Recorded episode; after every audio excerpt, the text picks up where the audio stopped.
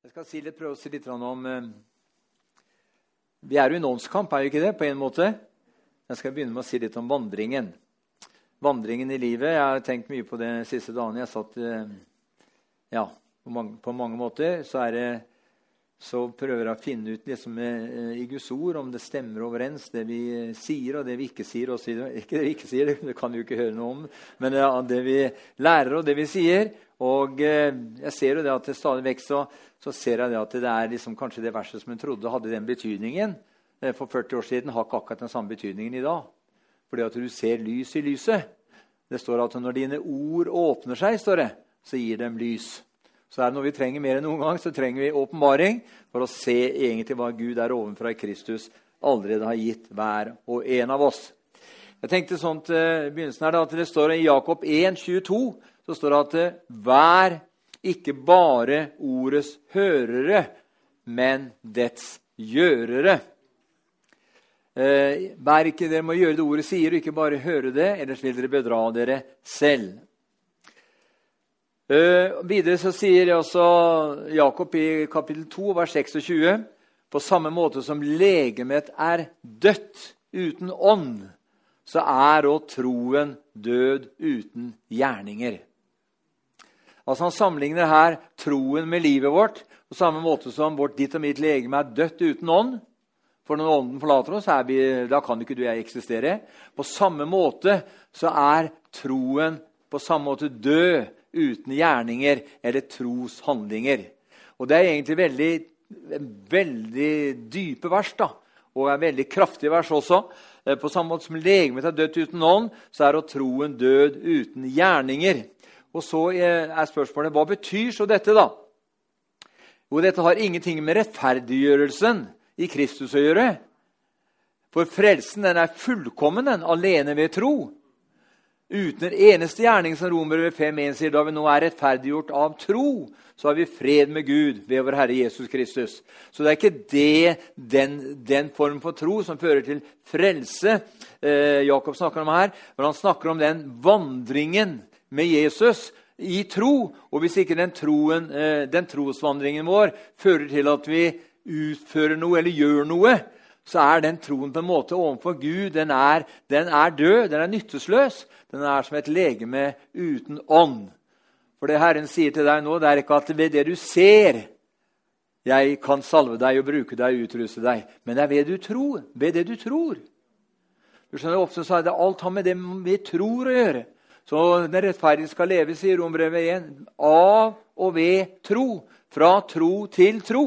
Så alt som har med, Men allikevel, det har med, den rettferdige skal leve av og ved tro. Men troen er død hvis, han ikke, kan, hvis ikke det fører til praktisering av gjerninger. Og eh, Derfor sier du bl.a. Annet, eh, Efesbrevet 2 og kapittel 8 eh, Kristian slår raskere opp her enn jeg finner opp her. Så Efesbrevet 2 og i vers 8. For av nåde er det frelst ved tro. Det er ikke deres eget verk, men det er en Guds gave. Så faktisk er det sånn at eh, troen den er, eh, den er, en, eh, den er en, gave. Og hvis den troen som du og jeg har fått, ikke fører til at vi gjør noe for en, for en, eller at ikke den fungerer optimalt på en slik måte at, den, at vi gjør det vi, be, hvor, altså det vi en, tro uten, en, en, tro uten, gjerninger. Vi skal ikke bare ordets hørere, men dets gjørere. For på samme måte som legemet har dødt uten ånd, leste vi her, så er også troen død uten gjerninger eller handlinger. Så det Jakob taler om her innledningsvis, er, er at etter at vi har kommet til tro, så skal troen vise seg ved tros handlinger. er troen levende, så handler den. Er troen ikke levende, så handler den ikke. Men her du bærer av en levende tro, så har du en tro som handler. En tro som gjør. Tro er jo å høre og gjøre. Med andre ord, du og jeg må handle på det du og jeg hører. For det er nemlig sånn som Den hellige ånd sier, det er kun ved å gjøre det jeg ber deg om, at min velsignelse og kraft kan komme maksimalt over våre liv. Og Mange ganger så kan Gud tale til både deg og meg og, eller, om forskjellige ting. Så har vi ikke gjort det. Og så når vi ikke har gjort det, så går det noen dager, og så blir det mer og mer borte.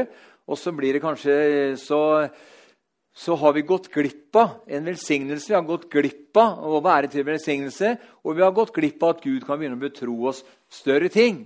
Og mange ganger sånn at vi skal, ja, Jeg vil gjerne høre noe nytt, jeg vil gjerne se noe nytt, jeg vil gjerne få være med på noe nytt.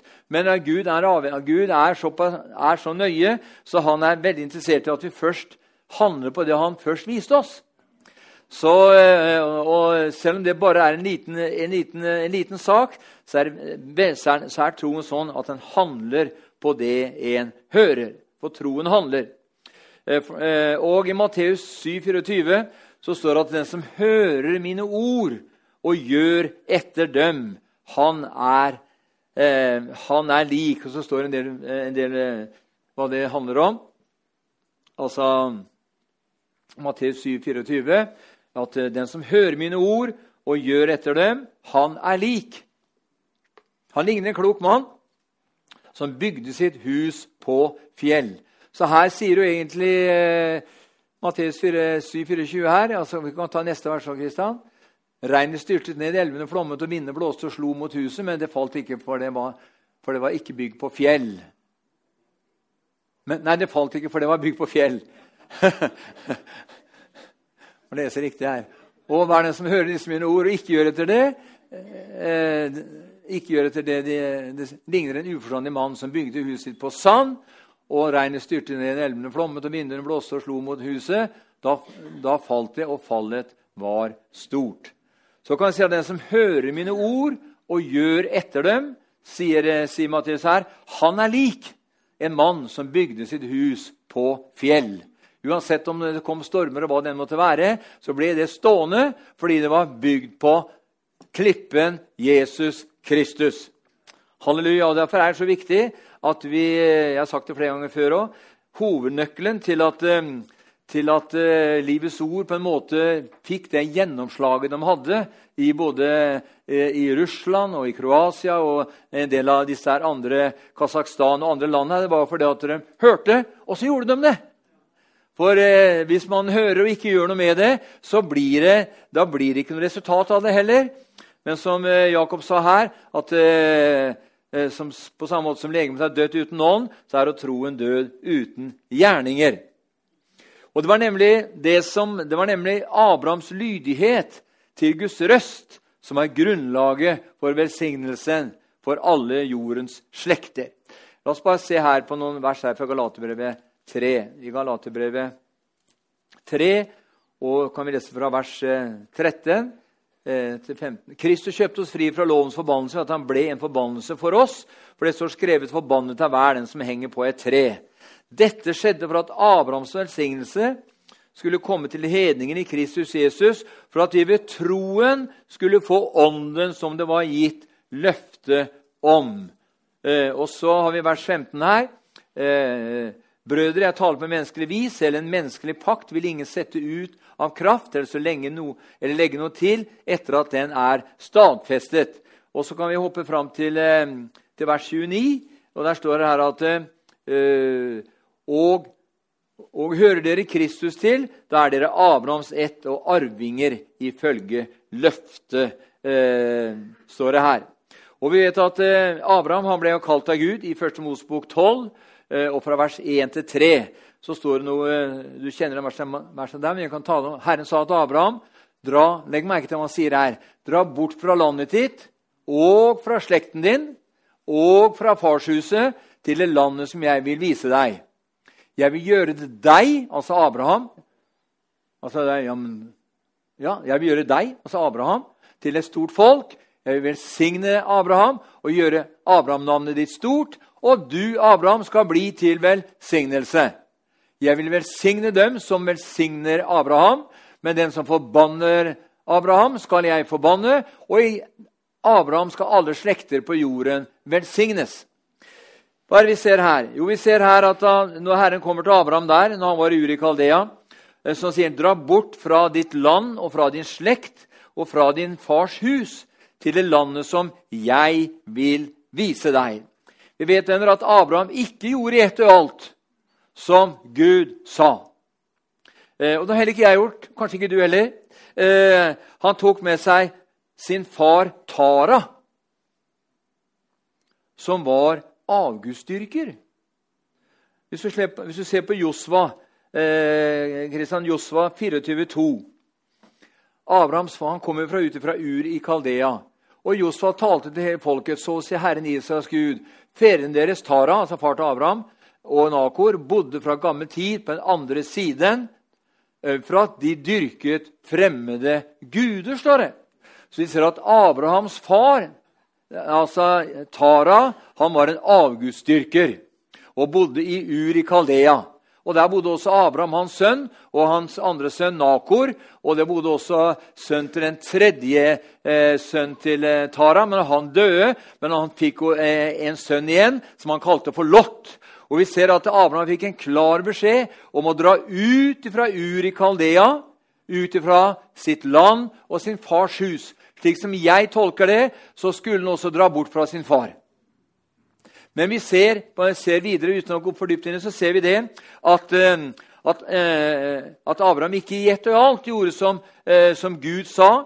Han tok med seg sin far Tara, som var en avgudsdyrker, som vi ser her i Josva, som står i Josva 2, 24, nei, 422, i tillegg til Lot og hans familie. Og dette venner, førte til et unødvendig opphold i Karan. Og Hvis du da ser i Første Mosebok 11, eh, 32. Første Mosebok 11.32. Taras levetid ble 205 år, så døde Tara i Haran. Og Så kan vi sammenligne det med apostelgjerne 7 og vers 3-4. Apostelgjerne 7 og vers 3-4. Gud sa til ham, dra bort fra landet ditt og fra slekten din til det landet som jeg skal vise deg. Da reiste han fra Kalderlandet og bosatte seg Haran. Og etter at hans far var død, lot Gud ham flytte derfra til dette landet som dere bor i, som dere bor i nå. Ja, som dere bor i nå. Hva, hva ser vi her? Jo, vi ser her at uh, han fikk en unødvendig stans i løpet mot det som Gud hadde sagt han skulle reise til. For Herren sa at du skulle dra bort fra, eh, fra ditt land og din fars hus til det landet som jeg vil vise deg. Men du skjønner at Gud kunne ikke tillate, selv om det var Abrahams far, så ikke Gud, går ikke Gud etter kjødelige linjer, men Gud handler ut ifra din og min lydighet til hva Gud sier. Og Her sa han klart fra at Abraham skulle reise og ta med seg Sara, Sara og skulle reise ifra eh, landet eh, Ur i Kaldea og skulle reise ifra sin fars hus. Men det var jo sånn på den tiden at, at, at, at det, liksom, det var Eh, faren han var liksom på en måte den nøkkelpersonen i familien. Han hadde autoriteten, han hadde, han hadde, eh, hadde den som var den de lytta til osv. Og, og vi ser at Abraham han gjorde delvis det Gud sa. Han tok, dro ut fra Uri Kaldea, men han tok med seg Lot, og han tok med seg Tara, sin far. Og Det vi ser videre, venner, det er at eh, Lot eh, han, ble et, eh, et, han ble et problem underveis for Abraham. Og vi ser derimot eh, Lots slekt senere. Skal bare ta det eksempelet her. Så ser vi at, at Lot eh, han, og Lots to altså døtre og La oss se her i første Mosebok, første Mosebok 19, og vers 36-38. Så skal jeg bare vise, vise, dere hva som skjedde med de, de to eh, døtrene til Lot. Nå skulle begge døtrene til Lot ha barn med faren sin. Hvorfor ble det sånn? Jo, for hvis ikke det hadde skjedd, så hadde, hadde den Lots-familien dødd ut. Og vi vet at Lots hustru hun ble jo saltstøtte og sto igjen der i Sodoma og Gomorra. Eh, den eldste fødte en sønn og ga han navnet Mohab. Han er stamfar til moabittene, som finnes, i, finnes den dag i dag. Det var den gangen det var skrevet. Og så tar vi, neste, tar vi verset og Den yngste fødte en sønn og ga ham navnet Ben-Ami. Han er stamfar til ammonittene, som finnes den dag i dag. Hva er det vi leser her? Jo, Vi ser her at, um, at uh, når Lot lå med sine to døtre, så fikk han blant annet, uh, så ble den ene ble, den første det ble Mohab. Det ble moabittene. Uh, og den andre ble Edom. Edom, Edom edomitter. Og vi ser bl.a. i 4. Mosebok 20 og i vers 14. Så ser 4. Mosebok 20 og i vers 14 så ser vi her fra Kadesh sendte Moses budbærer til kongene i Edom. Da har det gått noen hundre år fra Abraham. Så sier din bror, så sier din bror Israel, du vet hvor mange vanskeligheter vi har møtt. Og skal ikke gå for dypt inn på det, men det vi ser her, det er at eh, det, er at, eh, at det ble et problem. Det ble et problem for Israel. Og vi vet bl.a. at, eh, at Eh, vi kan også se i, eh, eh, i at moabittene forsvant egentlig som folkeslag. Moabs land de det forsvant helt som, et, som, en nasjon og et folkeslag. Nå var det ofte veldig krig, moabittene, men det, forfall, det forsvant som et folkeslag ca. 600 år før Kristus. Og det lå sørøst for Dødehavet, lå altså, lå altså Moabs land. Eh, edomittene, eller altså Edom, eh, den som den andre sønnen til den eh, yngste dattera til Lot, bl.a. ut fra den slekta som kom Esau, som var, som var stamfar til ja, altså edomittene, som, som, var stamfar til Esau. I første Mosebok 36,9 så ser vi da til første Mosebok 36,9 Ja, det leste jo her. Nei, dette er slektshistorien til Esau, stamfaren til edomittene i fjellandet Seir. Vi ser av slektshistorien til Esau. Han var stamfar til edomittene i fjellandet.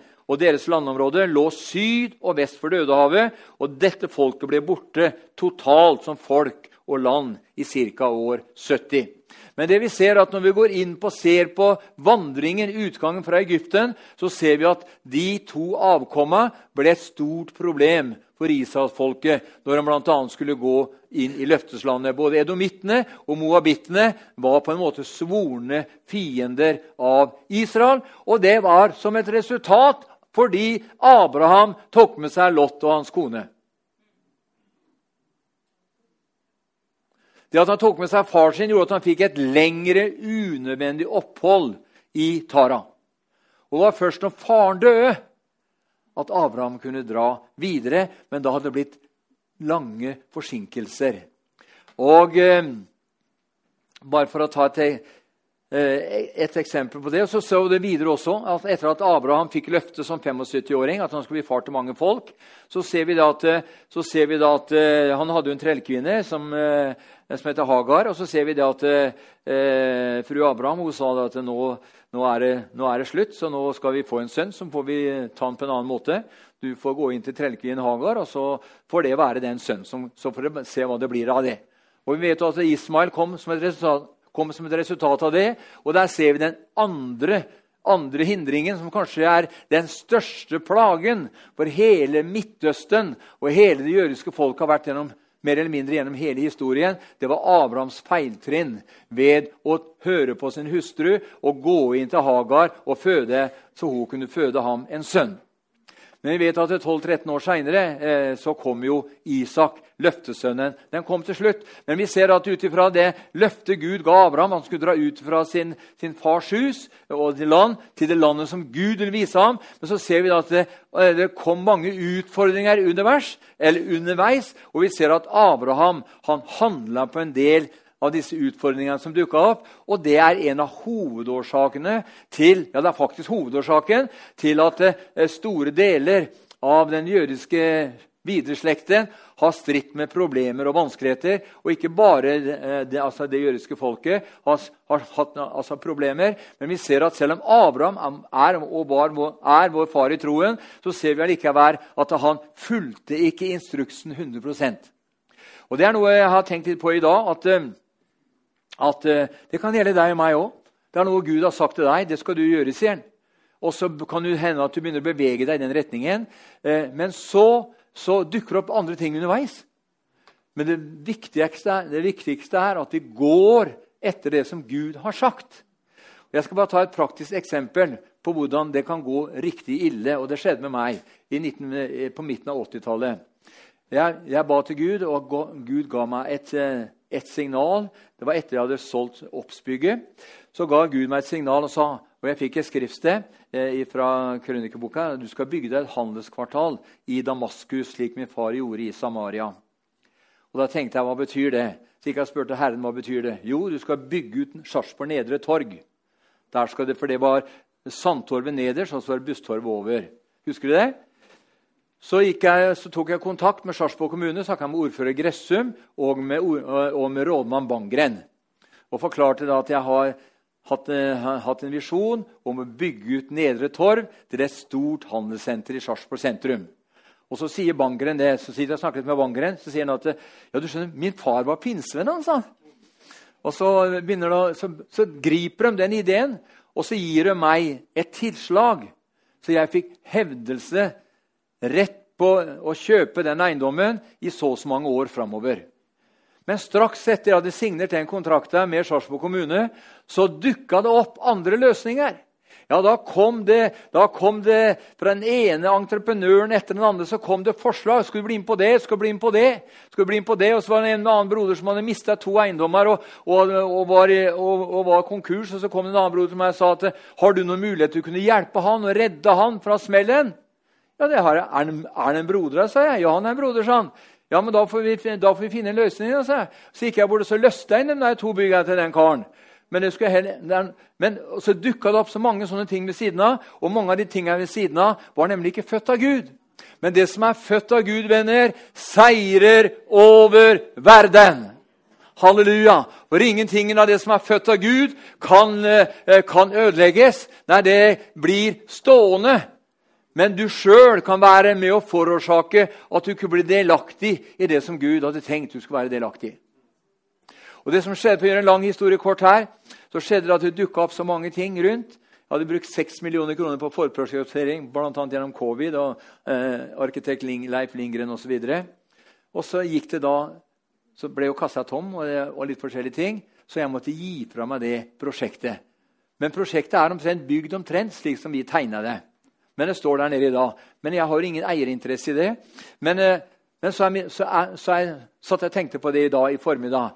Abraham han, eh, han gjorde, tok en del sånne valg underveis på veien til løfteslandet. Og de valgene han tok underveis, det skapte ganske store problemer for Abraham både der og da, og det har skapt problemer for Abrahams ett i ettertiden også. Og da tenkte jeg hvor fort gjort det er. Djevelen skjønner, Når Gud har sagt noe til deg, så skulle det være garantert at da dukker det opp løsninger på så mange andre fronter. Du vil ha deg med på det, du vil ha deg med på ditt, du vil ha deg med på datt osv. Men eh, og da tenkte jeg at, og, eh, og da tenkte jeg sånn at Ja, men hva sa Gud? Det er så viktig når Gud sier noe. Han sier 'gjør det'. Og da skal vi ikke blande oss bort i ti andre ting. vet du. Da skal vi bare holde fokus på det som Gud sa, og så skal vi gjøre det. Og så skal vi ta skritt for skritt. For han sier, 'Se, jeg sender min engel foran deg', sånn til Moses, 'og han skal berede veien for deg'. Amen. Og eh, det har jo eh, selvfølgelig kosta meg mye, altså, mye smerte osv. Men samtidig så, så, tenker jeg jo ikke mer på det i dag, for da, til nå går vi videre. Og så er Gud nådig og barmhjertig. Så han, eh, han, eh, hans planer vet du, Selv for Abraham så var det sånn, selv om han bomma underveis, så endra ikke Gud på hans planer for Abraham. Nei, det ble som Gud hadde sagt. Isak kom, Jakob kom, og de havna der i Egypten i 430 år. og Deretter så dro de ut med meget sølv og meget gods. Og så ser vi det at en dag så kom dagen, tre dager før de skulle gå over Jordan, når Josva førte folket over der. Så, holdt de, så, så sa Josva nå skal vi gjøre noe som vi aldri har gjort før. sånn. Vi har nemlig aldri gått den veien før. Og Det er noe av det som Gud har lagt på mitt hjerte nå. Altså. Det vi skal få være med på nå, venner, det er noe vi aldri har vært med på før. Ja, men Pinsevekkelsen, åssen var den? Ja, Maranatavekkelsen og, og eh, trosvekkelsen, var sånn og sånn. Nei, du skjønner, Herren sa at det, det er forbi, det nå. Det er, no, altså, Nå er det forbi. For nå er nemlig, nå kommer Gud til å gjøre noe som ikke har vært før. Og du skjønner, Han, han fullførte løpet med Abraham. Og i dag så, så har vi eh, i dag så ser vi veldig nærme avslutningen og fullbyrdelsen av det som Gud lovte Abraham, nemlig at til deg skal alle eh, jordens slekter velsignes. Vi er ikke riktig der ennå, men vi kommer dit. Vi kommer dit. Og, eh, og eh, ja, hvorfor sier jeg det? Jo, eh, jeg tok dette her med det unødvendige oppholdet. Altså Djevelen, skjønner du, han er han, eh, han, eh, Herren sier det at Eller Første Johannes 4,18 sier den som er født av Gud, han tar seg i vare, og den onde rører ham ikke, står det. Hva betyr det? Jo, det betyr at den som er født av Gud er, vi, er født, vi er født på ny, ikke sant? Da er det veldig viktig at vi tar vare på livet vårt. Vi tar oss i vare. Vi sier ikke ja til alle ting. Vi blir ikke med på alle ting. Vi er ikke med på alt som trompetene skriker om. For trompetene i dag skriker om veldig mye. Og det er veldig, og veldig mye forskjellige signaler i trompetene. Men den som er født av Gud, tar seg vare, og den onde rører ham ikke. Og Det verset kom til meg på morgenen da, og da, kjent, da tenkte jeg men herre, hva betyr det da? Hvis jeg ikke tar meg vare, da? Hvis jeg ikke tar meg vare, da får fienden faktisk en lovlig adgang til å røre ved meg. Så virkelig er det, og så sant er det. For du skjønner at vi tilhører Han som døde og sto opp igjen for oss alle. Og vi er satt med Han i himmelen for aldri her i tiden herske og regjere med Ham. Og Han som begynte den gode gjerning i ditt og mitt liv, hans plan er å fullføre både for deg og for meg. Ja, så du kan si at eh, både edomittene og moabittene, eller Edom og Moabs land, eh, som bodde i nærheten av døde av begge, altså begge slaga. eh, begge to var ofte i konflikt med israelittene. Eh, og Derfor er det så viktig jeg skrev en setning her, at jeg og du i ett og alt gjør det som Herren har sagt til oss. Enten du og jeg får et rema-ord, eller at vi får en åndens tiltale. For hele Guds ord det er Guds, det er Guds logos, det er Guds, Guds, ord. Men det er når logos blir levende. Du sier at du har fått et ord. vet du.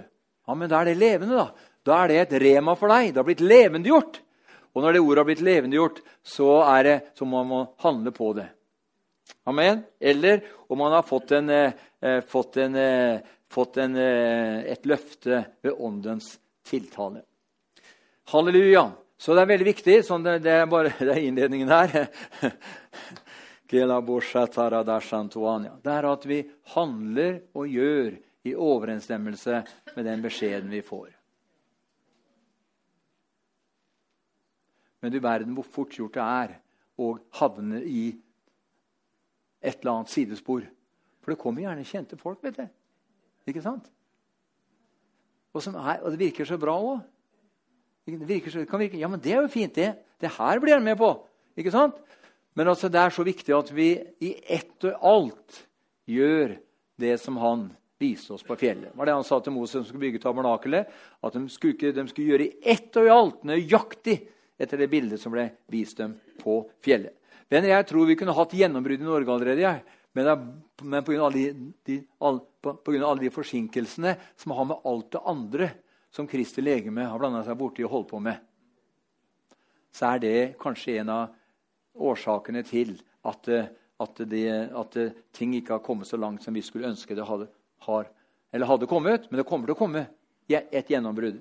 Vi vet at Hvis du studerer vekkelseshistorien, så ser du at det er veldig sjelden det er faktisk ingen som har noe klar selv. Militærvekkelsen, pinsevekkelsen, Asus og Strid osv. Vi ser altså Frank Mangs-vekkelsen. alt sammen. Vi ser her at det var ingen sånn vekkelse som varte mer enn i ca. 3 15 år. Det var et, det var et, det var et, eh, et, eh, gjennombrudd som gikk i 3 15 år ca. Mellom 3 og 3 15 år. Og etterpå så, så eh, Ikke at det ble borte, men da ble det mer Det ble ikke den ilden og gnisten lenger. Eh, og, som, og, så ble jo mange, mange har blitt frelst etterpå. Det er ikke det. Men sånn er at jeg har tenkt på det. I mange år har jeg tenkt på det. Herre, når lar du vekkelsen bryte ut i Norge? Og hvor lenge kommer den til å vare? Jeg vet ikke hvor lenge den kommer til å vare, men jeg tror den kommer til å bli kort. Og jeg tror Når det nå bryter den nå, venner, så kommer det til å bli så kraftig og så enormt. Det kommer til, å, kommer til å berøre hele nasjonen vår. Og både stortingsrepresentanter og stortingspresidenter og statsråder hva det måtte være, må faktisk bare bøye seg og si at Jesus, han er veien. Amen. Jeg tror på det. Halleluja. Venner, det er faktisk to riker som kjemper om hvor mennesket skal oppholde seg i evigheten. og Det er nemlig Guds rike og Satans rike. Eh, I 5. Mosebok 30 skal ikke lese alle versene, men i 5. Mosebok 30, og fra vers 11 til 20, så ser vi at Gud har lovet å hjelpe de som adlyder ham. Vi vet at mennesker ble skapt i Guds bilde for at Gud kunne omgås de og ha samfunn med de. Hvis du hopper fram til vers 14 der, Kristian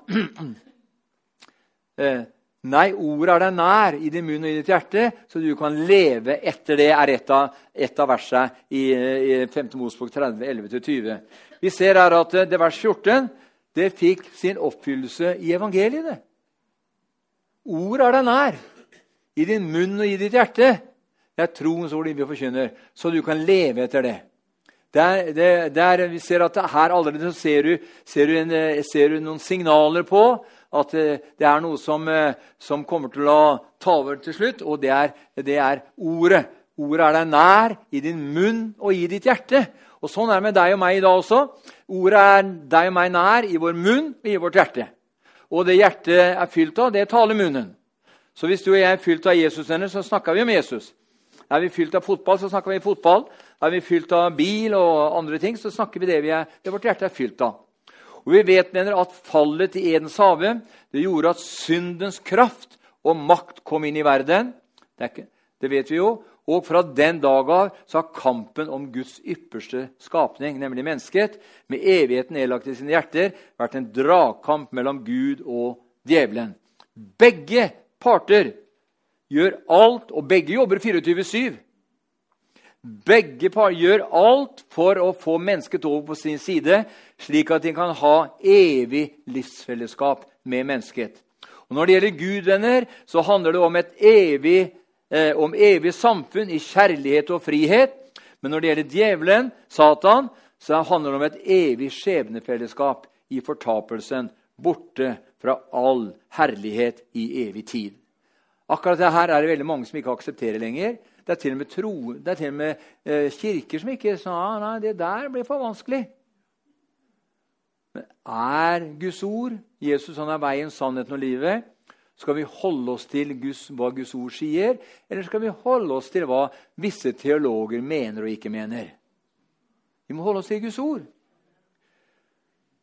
Av den grunn venner, er det så viktig at du og jeg til enhver tid forstår forstår at det er en kamp på liv og død og menneskenes sjel.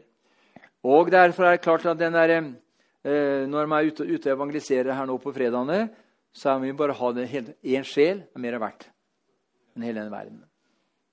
I Guds øyne så er det. For denne verden er spart i ilden. Men sjelen er en evig skapning. Og jeg tror faktisk det, jeg tror jeg har nevnt en gang tidligere, at det er mer ånd involvert i alt som skjer, enn det du og jeg er klar over. Det er mer ånd eh, involvert i alt det som skjer, enn det du og jeg er klar over. Vi ser når Jesus i Lukas 4 og i vers 18 sier at Herrens ånd Lukas 4, 18, Herrens ånd er over meg. For han har salvet meg til å forkynne et godt budskap for fattige. Han har sendt meg for å rope ut et, at fanger skal få frihet, og blinde få synet igjen, og for å sette undertrykte fri. Hva betyr det? Ut fra dette skriftstedet, venner, så vi vet jo hva det betyr, gjør vi ikke det? så ser vi at Guds ord taler om mennesker som er bundet av et eller annet. De er bundet av noe som de i egen kraft ikke kan klare å bli satt fri fra. For hvis du er bundet av noe og i egen kraft kan klare å sette deg fri fra det, så bør, da bør du gjøre det. da. Men det er tydelig her i Lukas 4, 18 her, at det er mennesker som er bundet og plaget. Jesus kom for å sette dem fri, og det forteller meg at de er bundet av plager og krefter som de selv i egen kraft ikke kan klare å bli satt fri ifra. Vi vet jo at Når Paulus skriver rombrevet, så taler han i rombrevet bl.a. 7. Og snakker om hvem skal fri meg fra denne, eh, denne, denne situasjonen befinner, seg, jeg befinner meg i. Og, så videre. og så han sier at det, det gode jeg vil, gjør jeg ikke, og det onde jeg ikke vil gjøre, gjør jeg osv. Men Gud være takk, sier han.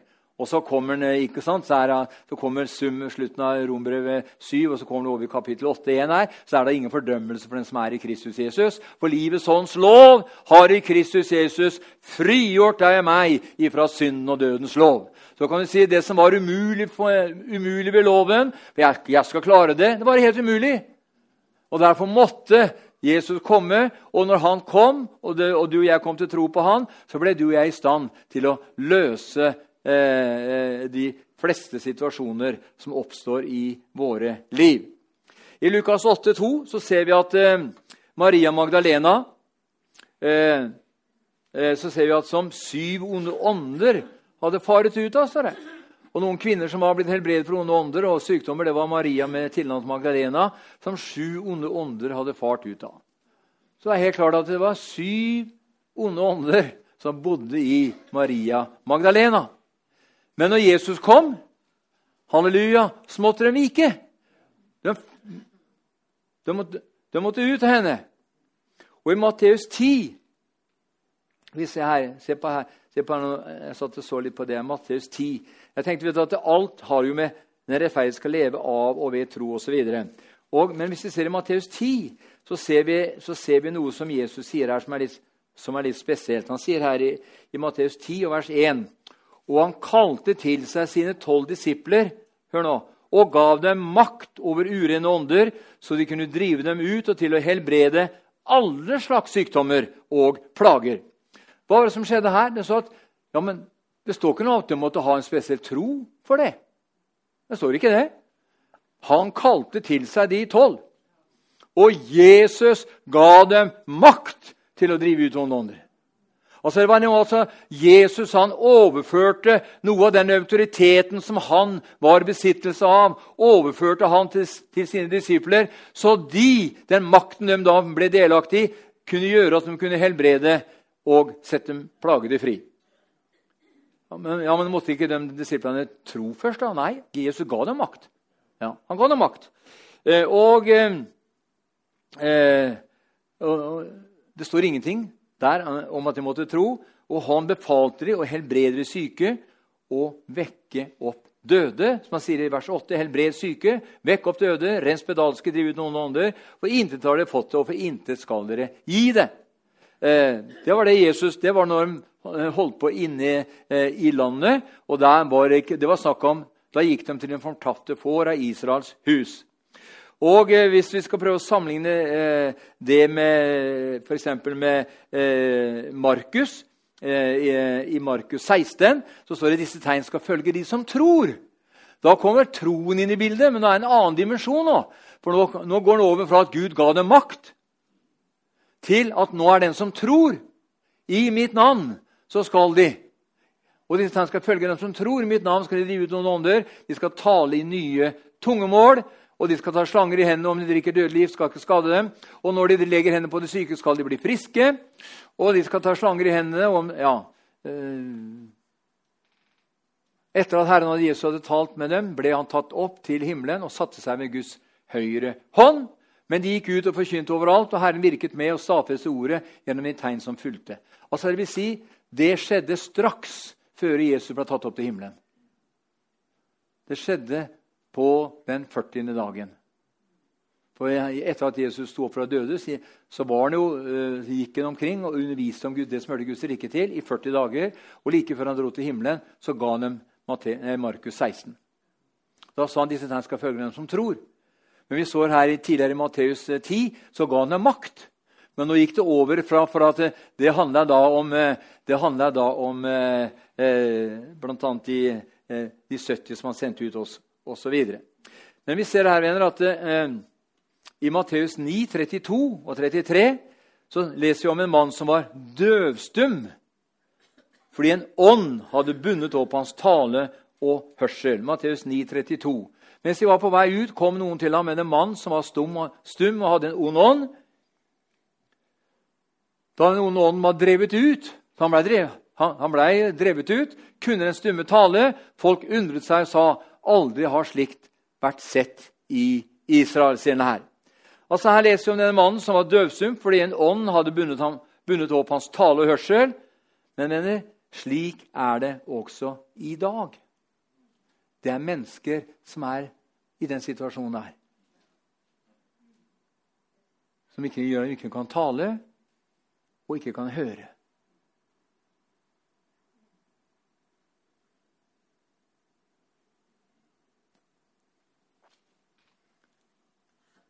Men det som er litt interessant her, da, det er at eh, Hvis du leser i kapittelet Matteus 9 da, skal ikke lage noe, Nei, jeg skal ikke ta det, for da blir det, blir litt sånn kronglete her. Men eh, vi ser at det også var i forbindelse med forkynnelsen av riket, sier han her i vers, i vers 35. Men la oss gå videre her. Matteus 12, og i vers eh, 22 til 23.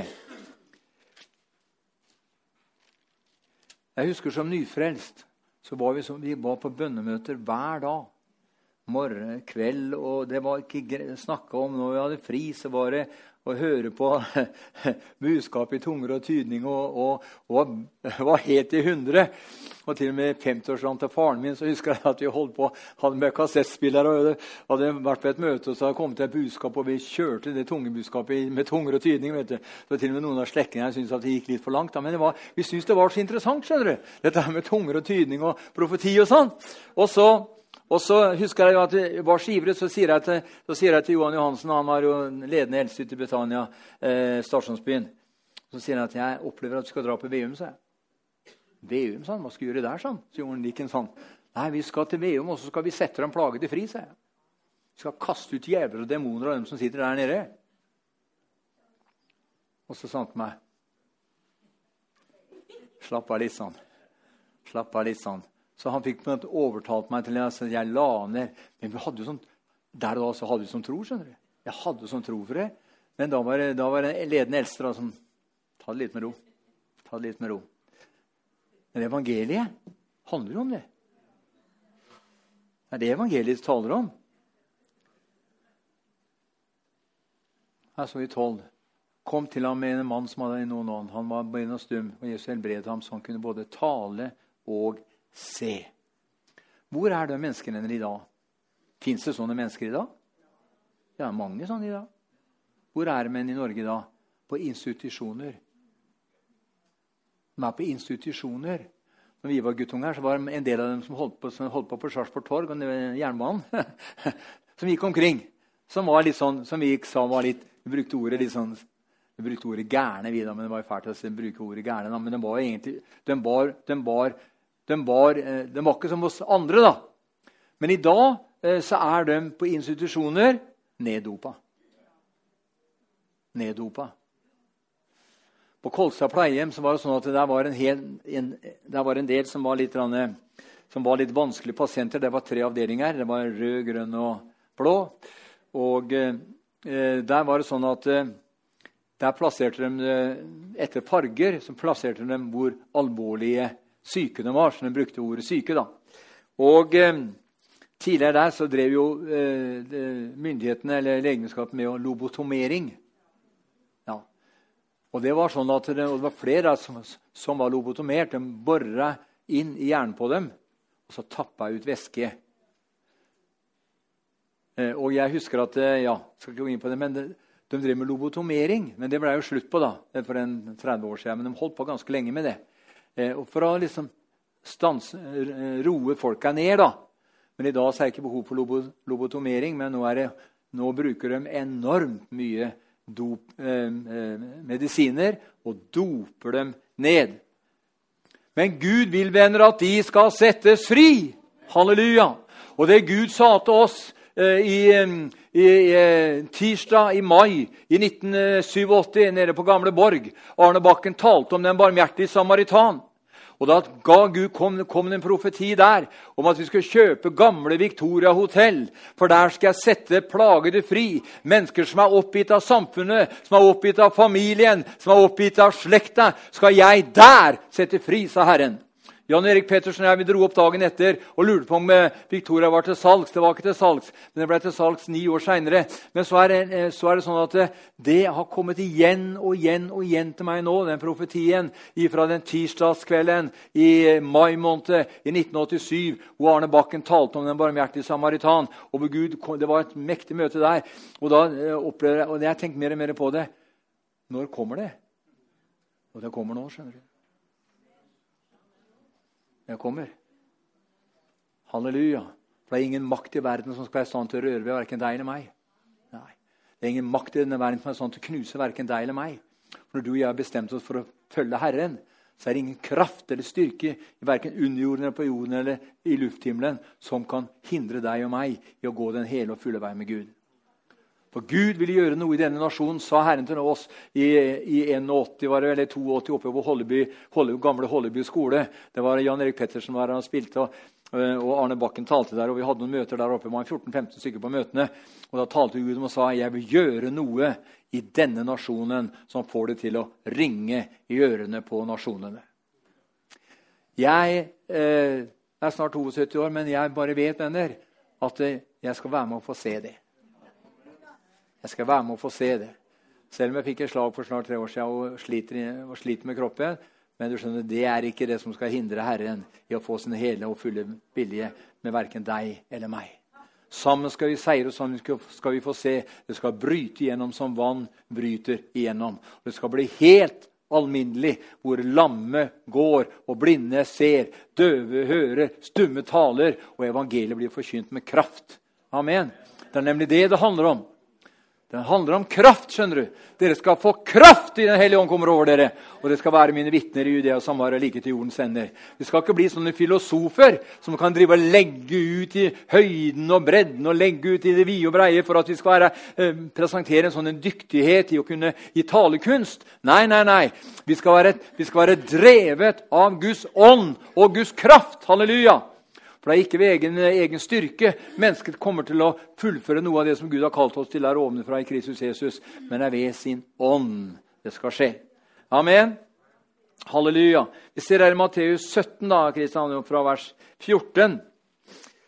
Eh, så handler det her om en person som var månesyk. Da de kom ned til folkemengden, kom en mann bort til Jesus falt på kne for ham og sa, 'Herre, ha barmhjertighet med sønnen min.'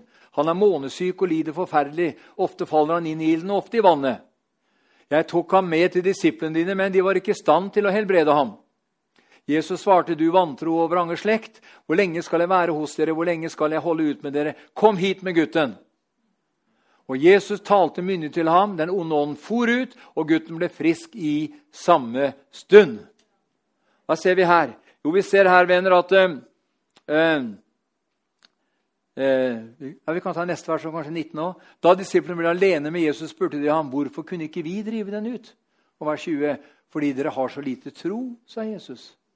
Sannelig, jeg sier dere, om dere har tro som et sennepsfrø, kan dere si til dette fjellet, flytt deg herfra og dit, og det skal flytte seg, og ingenting skal være umulig for dere. Denne personen her han var månesyk, dvs. Si det var en form for epilepsi. Eh, og det kan vi, det kan du jamføre med eh, Eller månestikk. Det kan du jamføre med eh, Salme 121,6. Så står den, akkurat den plagen der forklart litt. Og den var periodisk. Den kom og gikk. Jeg gikk på markedsførings, markedsføringsskolen en gang for mange år siden sammen med en kar som hadde epilepsi. Og plutselig midt i skoletimen så fikk han anfall. Men han læreren han visste skjønner du, hva han måtte gjøre, så han grep fatt i en bok og døtta inn i munnen på han. Ja, For ellers hadde han bet av seg tunga. vet du. Så du vet at det er, og det, det kunne gå kanskje en måned til, til, neste gang det epileptiske anfallet slo til. Eh, og det her ser vi i tilfellet her sånn, men han ble fri. Halleluja. Han ble satt fri. Og så står det videre Dette forteller meg, venner, at eh, vi ser her at bønn og faste var nøkler for den befrielsen. Det forteller meg at utdrivelse av visse slag trengs bønn og faste. Som nyfrelste så var vi mye faste. Vi kunne ha en uke faste, vi kunne ha tre dagers faste. Vi kunne ha faste fra ett måltid, vi kunne ha faste for én dag osv. Men du bare merker det at hvor, ja, hvorfor er fasten så viktig? Nei, jeg skal ikke faste for at jeg sier det, Men det, at det, var, det var, i alle vekkelsesperioder, tider, så er det noen som innvier seg til Herren. Halleluja.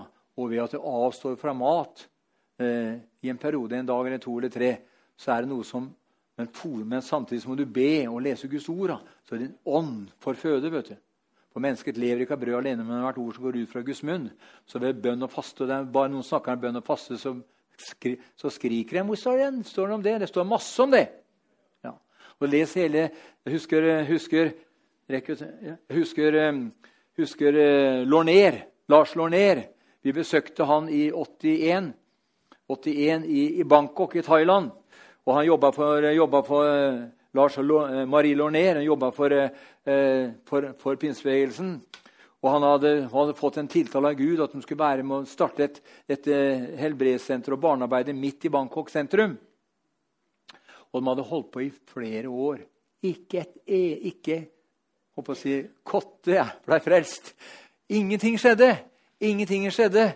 Men en dag han lå og ba, så sa Gud til ham ta 21 dager i bønn og i faste. Så fikk han med seg det teamet der, Lars der, i, i, i sentrum av Bangkok. Der det var et spesielt område. Bangkok er svært, det er en by på snart 10 millioner. Så det var et område der. Og så begynte de å be og, og, be og faste. Og under den, den fasteperioden så fikk han se et syn. Han fikk se en sånn svær slange som lå sånn bukta rundt hele det området som Gud hadde sagt at de skulle få folk frelst på et område, en del, et, et område i Bangkok. Så så den slangen lå sånn, bukta seg opp sånn, og så lå den sånn, og så, og så spytta han ut andre slanger. Da forsto Lars ned at kampen er ikke mot kjøtt og blod, men mot makter, mot myndighet, mot ondskapens ånde her i himmelrommet. Og det som skjedde da, det var at det, da gikk de på, og når fasten da var over, så opplevde de at det, så fikk en se på en måte at den der, den der slangen som lå rundt, den datt ned. Den datt ned og forsvant. Fra dag av så begynte folk å bli frelst. Da begynte folk å bli frelst. Mengder av folk ble frelst. Og det er klart at Når ting ikke går vår vei, eller det som Gud har sagt, så, må vi, så lov å stille spørsmål er det noe vi ikke har gjort. Er det noe vi har glemt underveis? Og akkurat det tilfellet der eh, i Bangkok var et, eh, var et, et konkret tilfelle. da.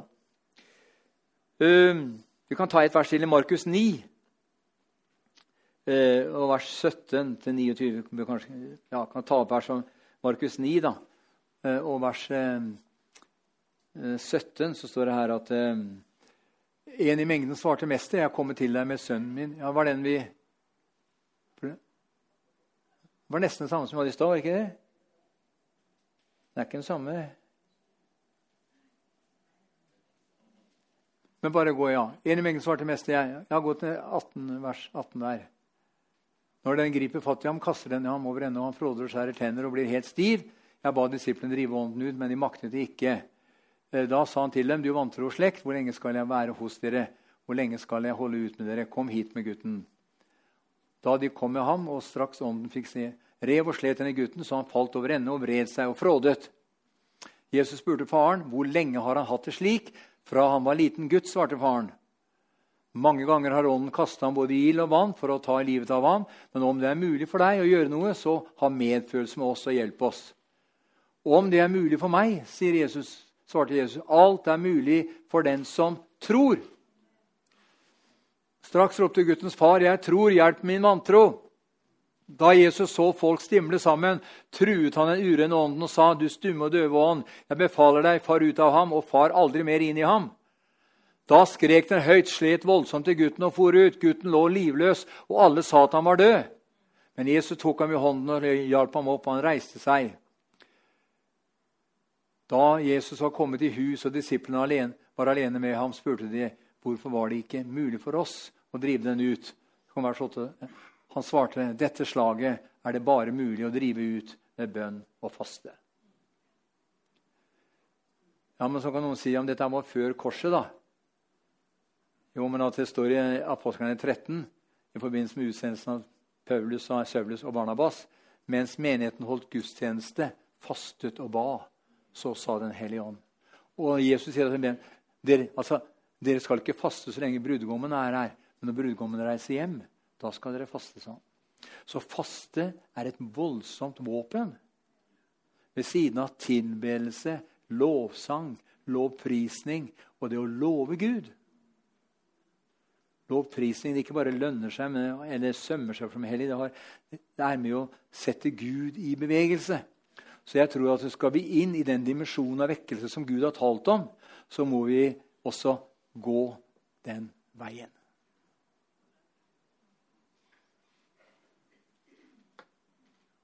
I, Asus, nei, i, i altså Pensacola i 1995, på det, Fader Steideren og Steve Hill var der, og vekkelsen brøt løs der, så hadde de bedt i lang tid, flere år, om vekkelse i, i den menigheten der.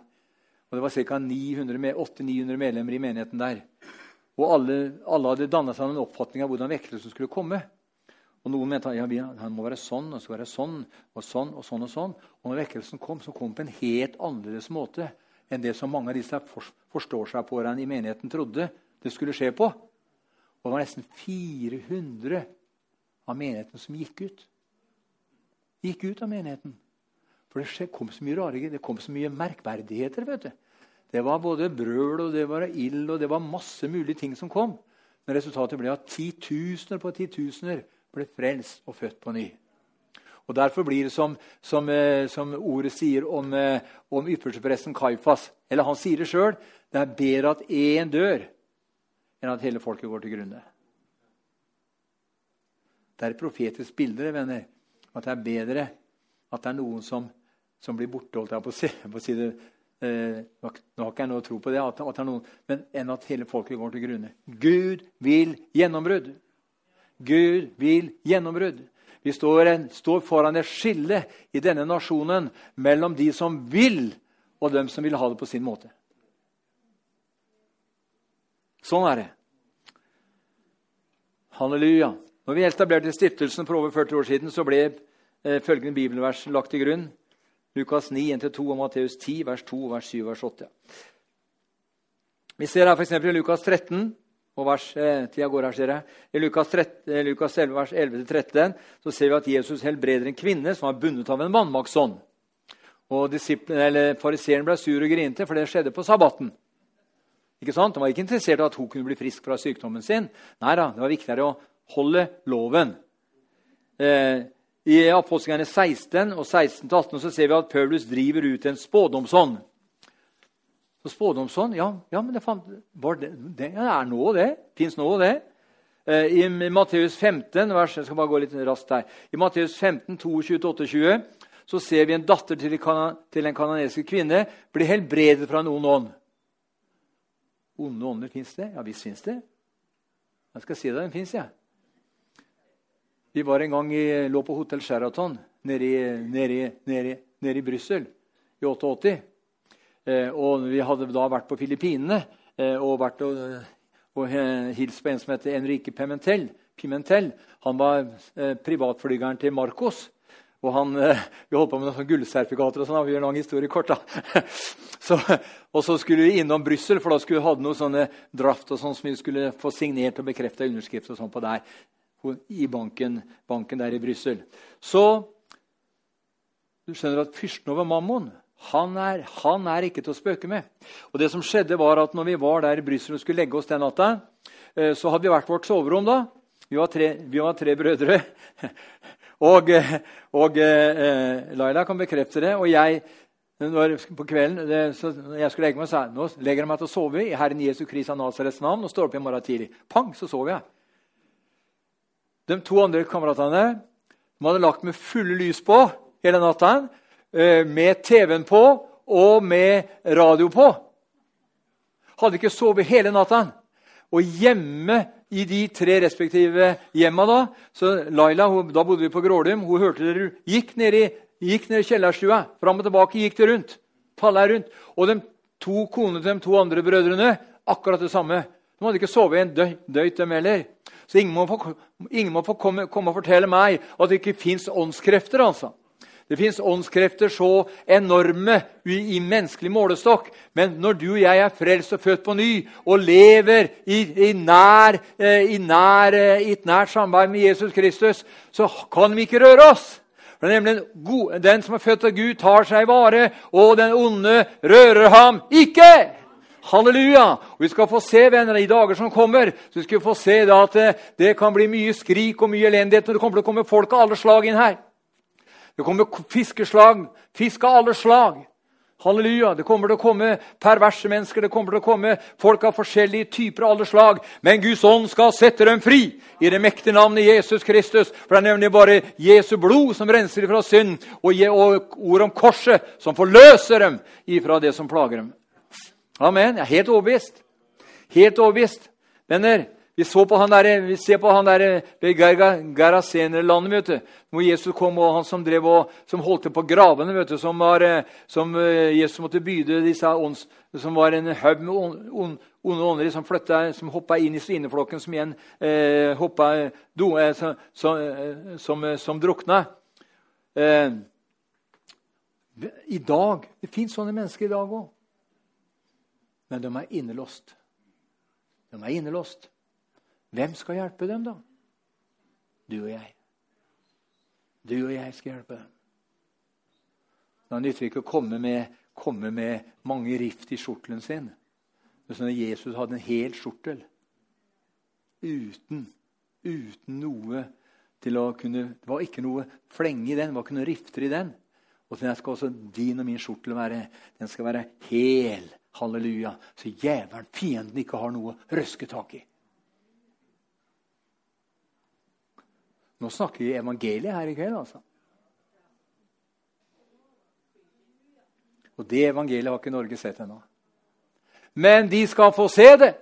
For jeg som begynte den gode gjerning, sier Herrens ånd, jeg kommer ikke til å fullføre før mitt ord har blitt oppfylt i denne nasjonen. For ned gjennom tidene så har jeg talt mektig, ikke bare til enkeltpersoner eller til visse grupper av mennesker, men jeg har til og med talt til nasjonens ledere ned gjennom tidene i denne nasjonen, hva jeg skal gjøre før jeg kommer tilbake og tar min blodkjøpte skare hjem til de evige boliger. Så det finnes, venner, det finnes faktisk grobunn i dette landet fra Hans Nilsen Hauges dager og inntil i dag så fins det grobunn i dette landet. Og vi skal få se at han som begynte en god gjerning, han skal i sannhet fullføre det som han har planlagt for denne nasjonen. For Norge skal bli frelst og lære sannheten å kjenne. Og vi skal få se at han som er kongenes konge, herrenes herre, fyrstenes fyrste, han skal i sannhet virke fram ved sin kraft med tegn, under mirakler. Og det skal ikke bli en, en eneste krok i denne nasjonen som ikke har hørt og sett eller hørt om hva Jesus gjør. Venner, vi står foran et gjennombrudd.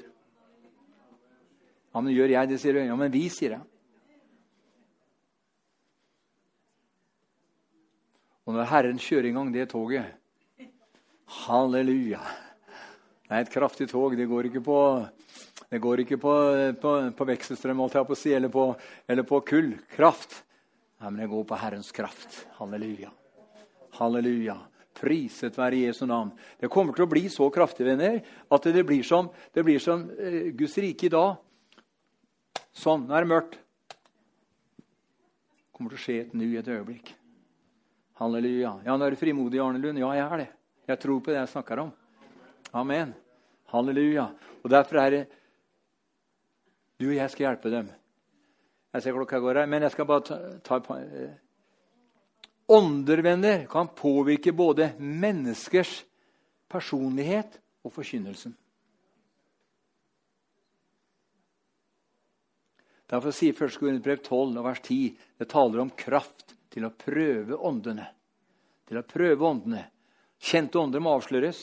Og En av måtene vi gjenstår dem på, er at vi påvirker mennesker på en slik måte at æren til Gud uteblir.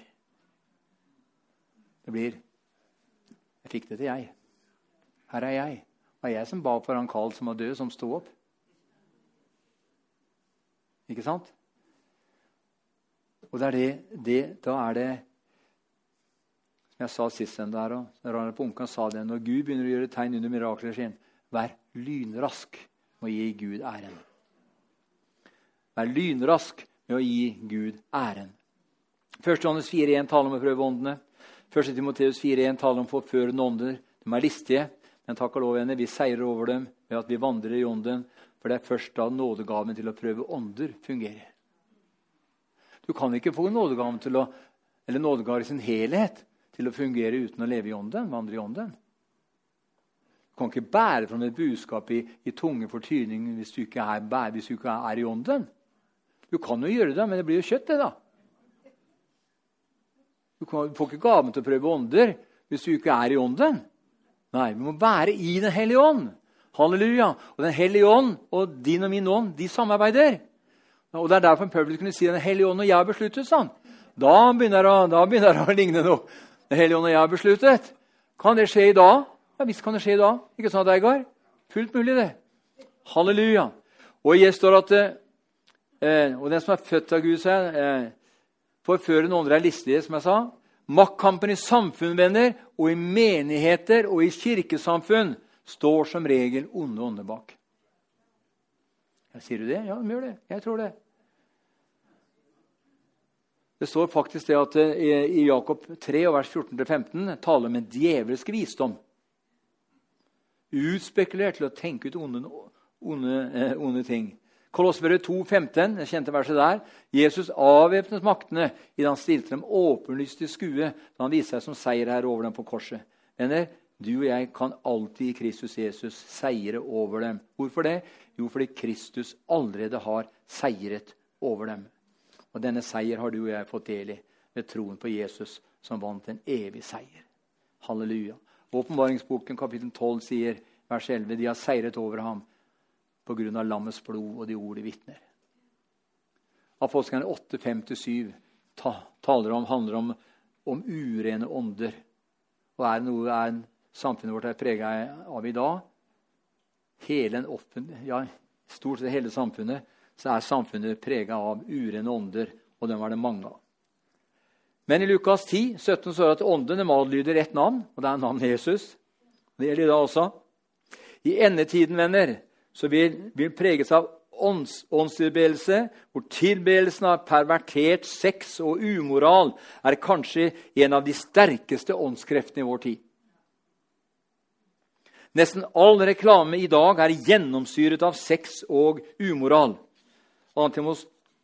Timoteus 2,22 og eh, ifølge åpenbaringen 9.20-20 så ser vi at selv etter store inngripelser og ødeleggelser så fortsetter de allikevel å tilbe onde ånder.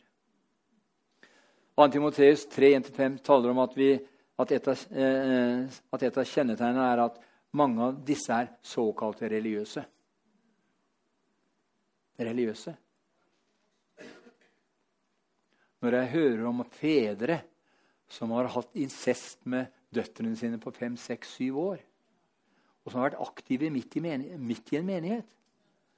Jeg fatter ikke. Jeg klarer ikke å forstå det. Jeg klarer ikke å, om jeg vrir huet mitt opp og ned. Jeg klarer ikke å fatte det. altså.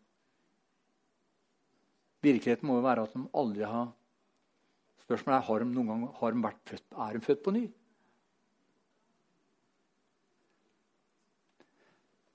Og det er mange sånne tilfeller også i kristne rekker i nasjonen vår. I de forskjellige sekter og samfunnsoppbygninger rundt omkring i det såkalte Kristi legeme.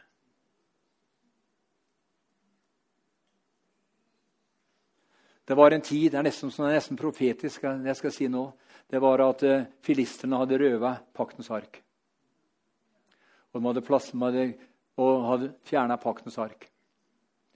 Men så gikk det så elendig for filisterne, så de fant ut at vi må sende den tilbake. Og så måtte de sende dem paktens ark tilbake. Og da ble en sånn en vill jubel og begeistring i Israel. Så de begynte å undre seg borti filisternes leir. Hva er det som, er det som har skjedd i, det, i altså, hebreerleiren? Jo, svaret var Guds, pakts ark hadde tatt bolig blant dem. Denne, I dag er det ikke noe fysisk Guds pakts ark. men i dag er pakten i Kristus Jesus ved blodet som ble rant på Golgata kors. Det er i deg og meg. Halleluja. Så vi er i pakt med Han som virkelig har vunnet en seier for tid og evighet. Derfor skulle det vært helt naturlig for deg og meg å juble og prise Gud. Jeg hørte jubel og lovsang der inne. Da, da. Amen! Halleluja. Ja, nå kom på vi noe Sanger Maria, så får jeg ta, stille opp. Eh, jeg tar resten en annen gang.